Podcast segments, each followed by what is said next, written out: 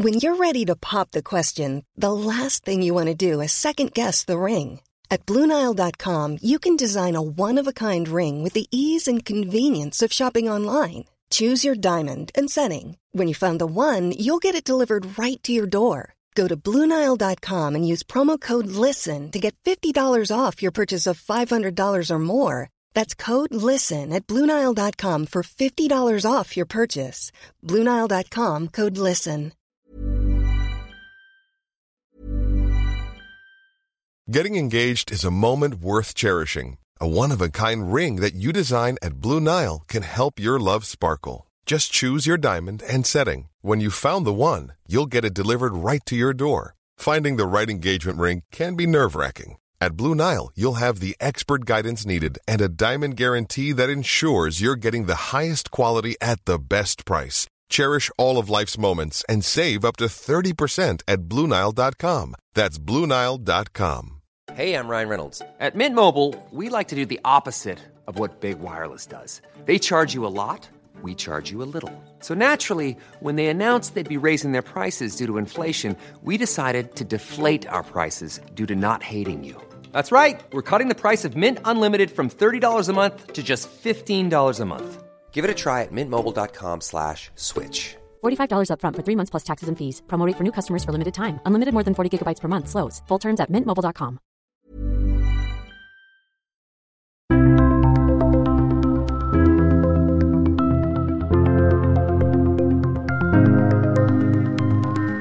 2020 starta, var prisen for et fat nordsjøolje nesten 70 dollar.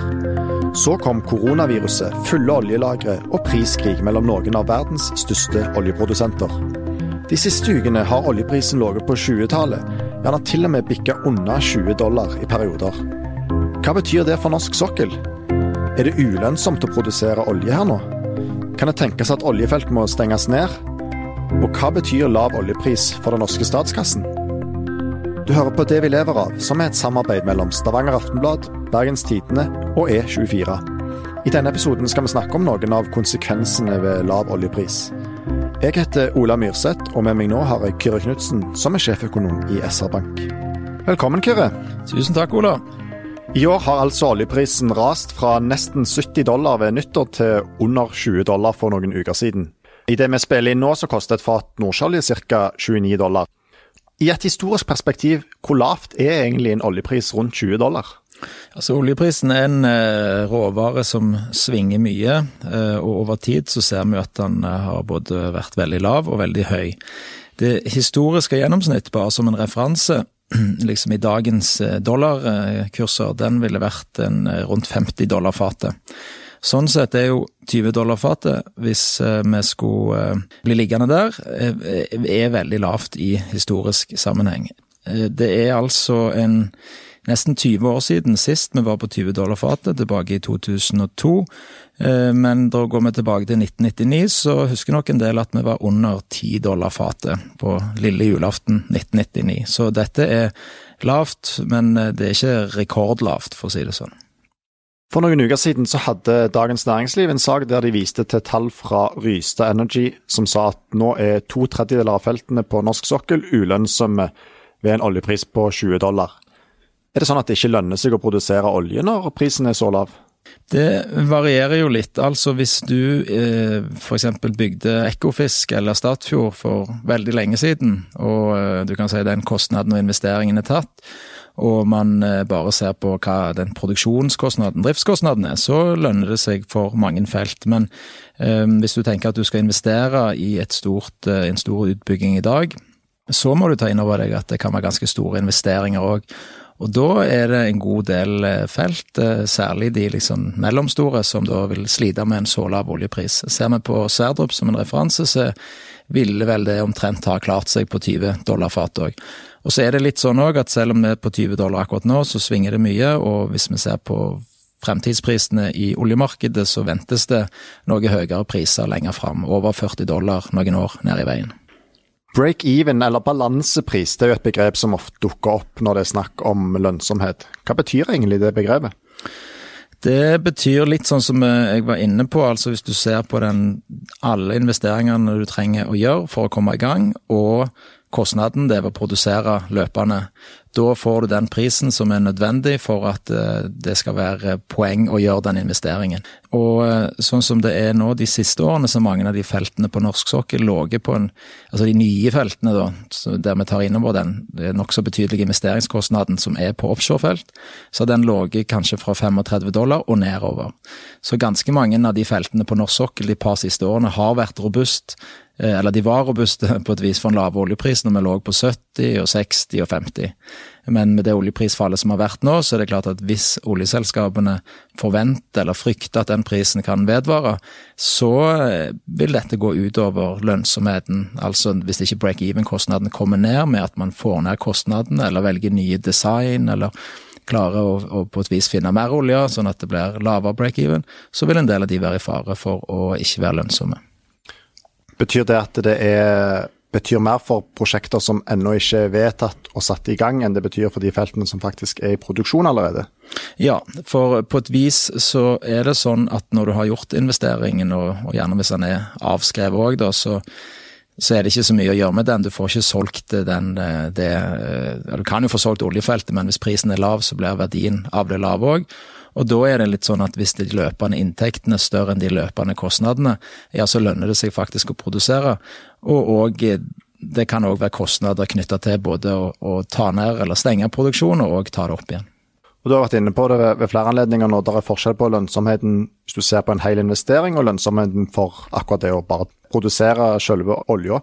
Hvor mye koster det å produsere et fat olje? Kan du si noe generelt om det? Det er veldig avhengig fra, fra, felt til felt, men hvis du ser på Equinor, da, som har mange felt, så oppgir de på en måte driftskostnaden eller produksjonskostnaden bare til en fem, seks, syv dollar, tror jeg, per fat. Eh, så det er den liksom løpende kostnaden ved å produsere olje i snitt, hvis du har en stor portefølje. Så for eh, Equinor og andre selskaper som har mye offshoreaktivitet, der prosjektene er store, du skal ha store plattformer og alt dette, så er en stor del av kostnaden knytta til liksom, det å bygge opp infrastrukturen, eller bygge opp feltet. Mens eh, hvis du ser sammenlignet med USA, på land, så er det jo veldig stor kost, del av kostnaden er jo rett og slett eh, nesten knytta til å produsere olje. At du, du, graver et hull i bakken og, og, driver med sand og mye annet for å få opp den olja. Så der, der ser vi jo òg at på et vis oljeproduksjon reagerer jo mye raskere på en lavere pris. For der eh, kan du ta ned aktiviteten mye raskere, og veldig mye av kostnadene knytta til faktisk selve produksjonen. Og ikke til at du har et, eh, en, en stor plattform eller en stor rigg som står der. Og så nevnte du jo Johan Sverdrup, som jo er denne her helt nye oljegiganten ute i Nordsjøen. Og der er vel eh, produksjonskostnaden nede i bare et par dollar, er ikke det Equinor har sagt? Det stemmer det, og Sverdrup er jo interessant òg, fordi at der er jo hele, denne break-even er jo vel rundt 20 dollar, litt under 20 dollar. Eh, og så er jo en liten del av det produksjonskostnad. Men det, det er ganske interessant. Det viser også, hvis, hvis, du gjør skikkelig store funn. Fordelen med store funn er jo at du får ofte ned kostnaden per fat, og på investeringen. Mm. Og Johan Sverdrup er jo et av de største feltene som, som noen gang er gjort på norsk sokkel. Med, med, nå er det vel 2,7 milliarder fat eh, olje de regner med er der. Du, Når oljeprisen er så lav og vi begynner å snakke om eh, hvorvidt det er lønnsomt å, å produsere olje og sånt, eh, kan det da skje at oljeselskaper velger å stoppe eller kutte produksjonen rett og slett som følge av rene lønnsomhetsvurderinger? Det er klart at på produserende felt der du har en produksjonsbane, så eh, kan man tilpasse. Eh, gass er jo litt vanligere å ha både av sesongmessige grunner og andre ting, og ta litt opp og ned produksjon. Olje er normalt at du prøver å produsere jevnt, og det har jo med trykk og reservoar og, en del sånne ting å gjøre på disse offshorefeltene, da. Men det er ikke helt umulig å gjøre det, men det har en betydelig kostnad. og Derfor ser du ofte òg at produksjonen på offshorefeltet, sånn som i Norge, den den er ikke på kort sikt så veldig på et vis tilpasningsdyktig eller mulige til prisen, da. Men ser man på, som jeg nevnte, i USA og andre steder der det er mye større fleksibilitet og større muligheter, så er det klart at da ser man på alt. Og så er det sånn i Norge at over tid da, så vil du jo da, hvis du nærmer deg slutten på en produksjon, hvis det er en dyr, eh, eller ikke dyr, men hvis det er en haleproduksjon ikke er sånn kjempebillig, så kan du kan du gjøre noe med noe der. Og Så blir det spennende å se nå, for nå har jo Norge sagt at vi skal ta ned produksjonen med ca. 13% i juni. De har ikke sagt akkurat felt og hvordan og sånt, så det blir liksom spennende å se hvordan man, man velger å gjøre det. Til sammenligning, i 2002 så gjorde man jo òg tok ned produksjonen, men da var det mindre omfang. Da var det bare et par prosent, hvis jeg husker riktig. Og Hvordan ble det løst da med, med hvilke felt som uh, tok ned produksjonen? Den gangen var det vel på de, det er ofte på de større feltene da, der du har litt fleksibilitet. Uh, så, så, det blir litt spennende å se denne gangen om um, det, det, det, blir jo nesten sånn matematisk så må det nesten bli noe av det denne gangen òg, siden uh, volumet er vesentlig større i denne runden. Ja, rett og slett at det fordeles litt utover de, noen av de største feltene. Mm. Du var litt inne på det, men vi vet jo at det normalt er sånn at produksjonen koster mer når feltene nærmer seg slutten av levetida. Da er det rett og slett dyrere og vanskeligere å få opp olja. Betyr det at felt kan bli stengt før tida når eh, oljeprisen er veldig lav? Jeg vil tenke sånn overordna så er det nokså eh, logisk at du på et vis eh, Eh, det blir jo det blir selvfølgelig en lønnsomhetsvurdering òg, altså, men i og med at eh, utfordringene med å ta produksjonen mye ned på ting som skal produsere i mange år, den kostnaden kan være betydelig. Da er det bedre å begynne prosessen med å liksom avslutte feltet. Når det er sagt, så har vi noen veldig interessante, ganske nye eksempler på at uh, sånn feltforlenging i Norge er veldig lønnsomt. Altså, Hvis vi husker begynnelsen av januar, så kom jo denne Statfjord A-forlengingen. Et felt som ble åpna i 1979, og som da vel ble forlenga til 2027. Den gangen diskuterte man òg Statfjord B og C med en forlenging opp til 2035. Og, og um, da ble det jo argumentert for at det var veldig lønnsomt. da. Så um, sånn generelt, eh, ja, man, det er noen ting man vurderer og ser på den haleproduksjonen om man skal bare ta kutte litt raskere. Men for en del felt så er, vil dette kunne være ganske lønnsomt òg, og da, er det på en lønnsomhetskriteriet kanskje som vil veie tyngre. Mm. Og så er det vel noe med at man ikke skal se på dagens oljepris når man tar sånne beslutninger for veldig langt fram i tid, for det, man må jo heller se på hva man forventer at oljeprisen vil være på sikt. Selvfølgelig. Det er klart Oljeselskapene må jo, når du gjør en investeringsbeslutning Hvis du tar Sverdrup som har lisens til 2069, så må du jo ha en formening om hva produksjonen skal være i den, eh, hva prisen skal være i den banen. Og da er det ikke bare spotprisen på olje som er avgjørende. Men det er klart at nå har nok mange oljeselskaper eh, Før forrige oljekrise så lå man kanskje opp mot 100. Så kom oljekrisen, så har mange tatt det ned kanskje til rundt 60. Noen var oppe på 70, noen var nede på 50. Men det er jo et stort spørsmål om du, du kan ikke Mange må jo nå revurdere om man da skal legge seg enda lavere. Og det har jo betydning for feltenes økonomi. Og så er det òg sånn at uh, siden man bruker da Man regner jo om på en måte framtidige kontantstrømmer til dagens penger, såkalt nåverdi. Og når du gjør det, så er det sånn at produksjonen etter ti år fram i tid har ikke så på et vis mye verdi fordi at den diskonteringsrenta er ganske høy. Så det betyr òg at den der første fasen fra i dag og fram til ti år betyr mye. Og så er det jo sånn at Oljeselskapenes inntekter er jo veldig tett knytta opp mot prisen på olje og gass, som vi har snakket om nå. Hva er da følgene av at inntektene barberes, egentlig, sånn som så, sånn så det er nå med veldig lave priser? Vi ser jo at man setter seg ned i ledelsen i, i alle oljeselskaper og prøver å finne ut hvordan man skal komme gjennom dette her. Um, inntektene faller, da prøver man selvfølgelig å få ned kostnadene òg. Uh, og så er det uh, veldig forskjellig. Da. På noen felt er det veldig vanskelig, fordi at hvis du holder på med Sverdrup fase 2, Castberg, en del andre, uh, Vår holder på med Balder X. Balder X er nok et prosjekt der de kunne kanskje ha valg, valgt å prøve å skyve litt på det, men de har kommet så godt i gang og har snakket mye om det og har lagt en plan for det.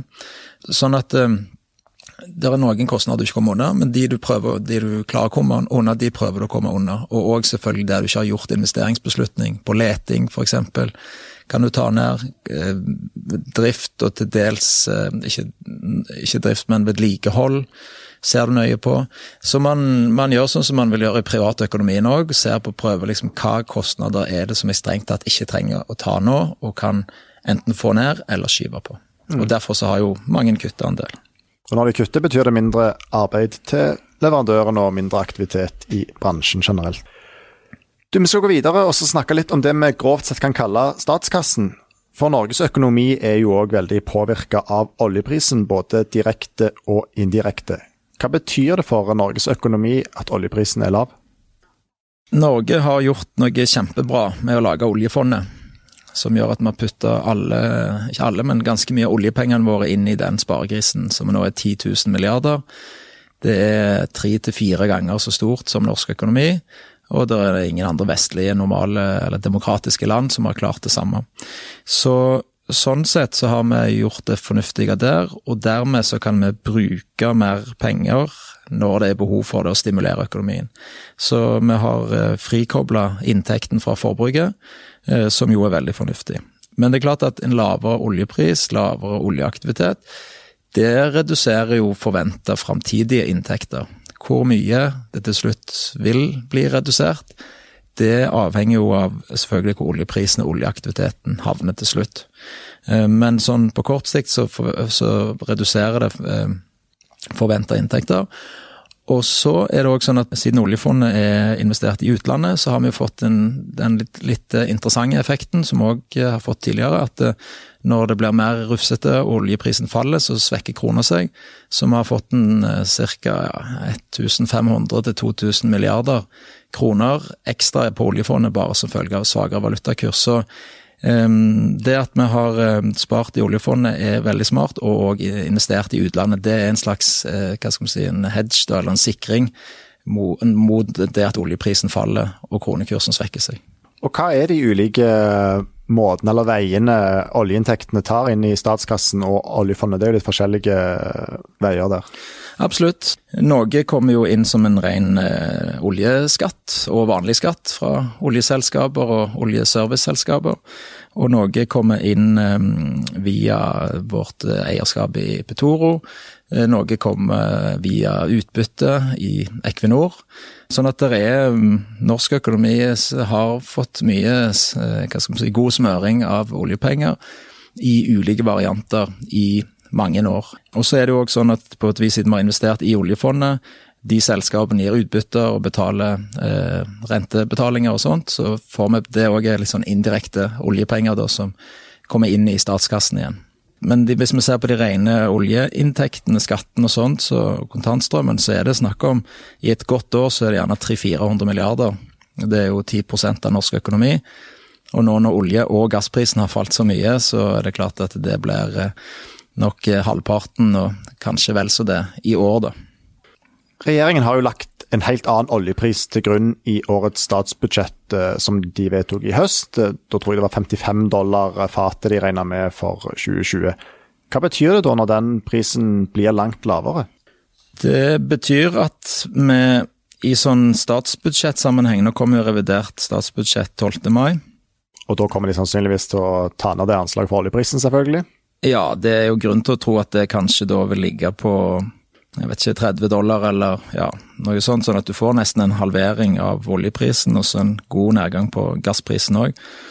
Så da, um, da, går det mindre penger inn i, i, i, um, statskassen, så da må vi bruke mer fra oljefondet. Og eh, eh samtidig så har man jo òg på vedtatt masse tiltak. Bra, vil jeg si. Regjeringen har vært veldig på i forhold til korona, dempa nedgangen, økonomiske nedgangen der.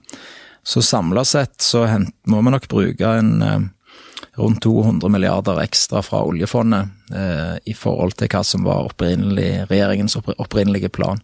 Og det er jo omtrent 2 av oljefondet. Så i sånn prosent så er det ikke så mye, men det er klart 200 milliarder, det er veldig sjelden at det, det flyttes på så mye penger fra et opprinnelig budsjett til et revidert budsjett.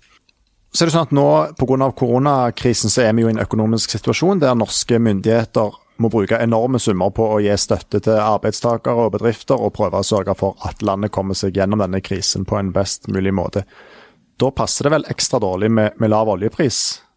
Ja, på et vis så skulle vi jo ønske at uh, at ikke alt gikk nedover. og eh, Oljeprisen har jo på et vis eh, ikke bare fått en koronasmell på etterspørselssida, det har jo òg vært en, en, litt sånn manglende samling kan vi si, på, i OPEC og på produsentsida som har gjort at eh, oljeprisen har jo fått en veldig stor eh, Eh, nedgang i de par siste månedene. Ehm, så det betyr at man rett og slett må bruke mer, mer penger fra oljefondet enn man ellers hadde gjort. Og hvis ikke Norge hadde hatt oljefondet, så er det klart da hadde kunne dette blitt veldig utfordrende. Da måtte man hvis man skulle opprettholdt pengebruken og økt den sånn som vi har gjort nå, så måtte vi rett og slett ut og utstedt statsobligasjoner og hente penger i utlandet. Mens nå kan vi hente penger opp fra sparegrisen. Og vi ser på de europeiske landene som eh, på et vis òg, mange av de er hardt rammet, må bruke mye penger for å støtte økonomien. Der er det utfordringer med å hente penger i markedene. Og den store diskusjonen i Europa er jo om de søreuropeiske landene, som er de svake landene, faktisk har mulighet til det. Og de ønsker å gjøre det via eh, et slags felles euro-obligasjoner. Eh, men der er det motstand fra nord. Men det sier, forteller oss litt om hva, som, hva vi måtte ha gjort eh, hvis ikke vi hadde hatt oljefondet til å, å bruke mer.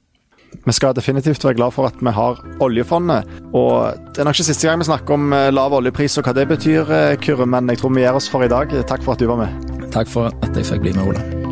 Vi kommer snart tilbake med en ny episode av Det vi lever av, der du kan høre mer om det som skjer i noen av Norges viktigste næringer. Produsent for podkasten er Henrik Svanevik, og jeg heter Ola Myrseth. Takk for at du hørte på.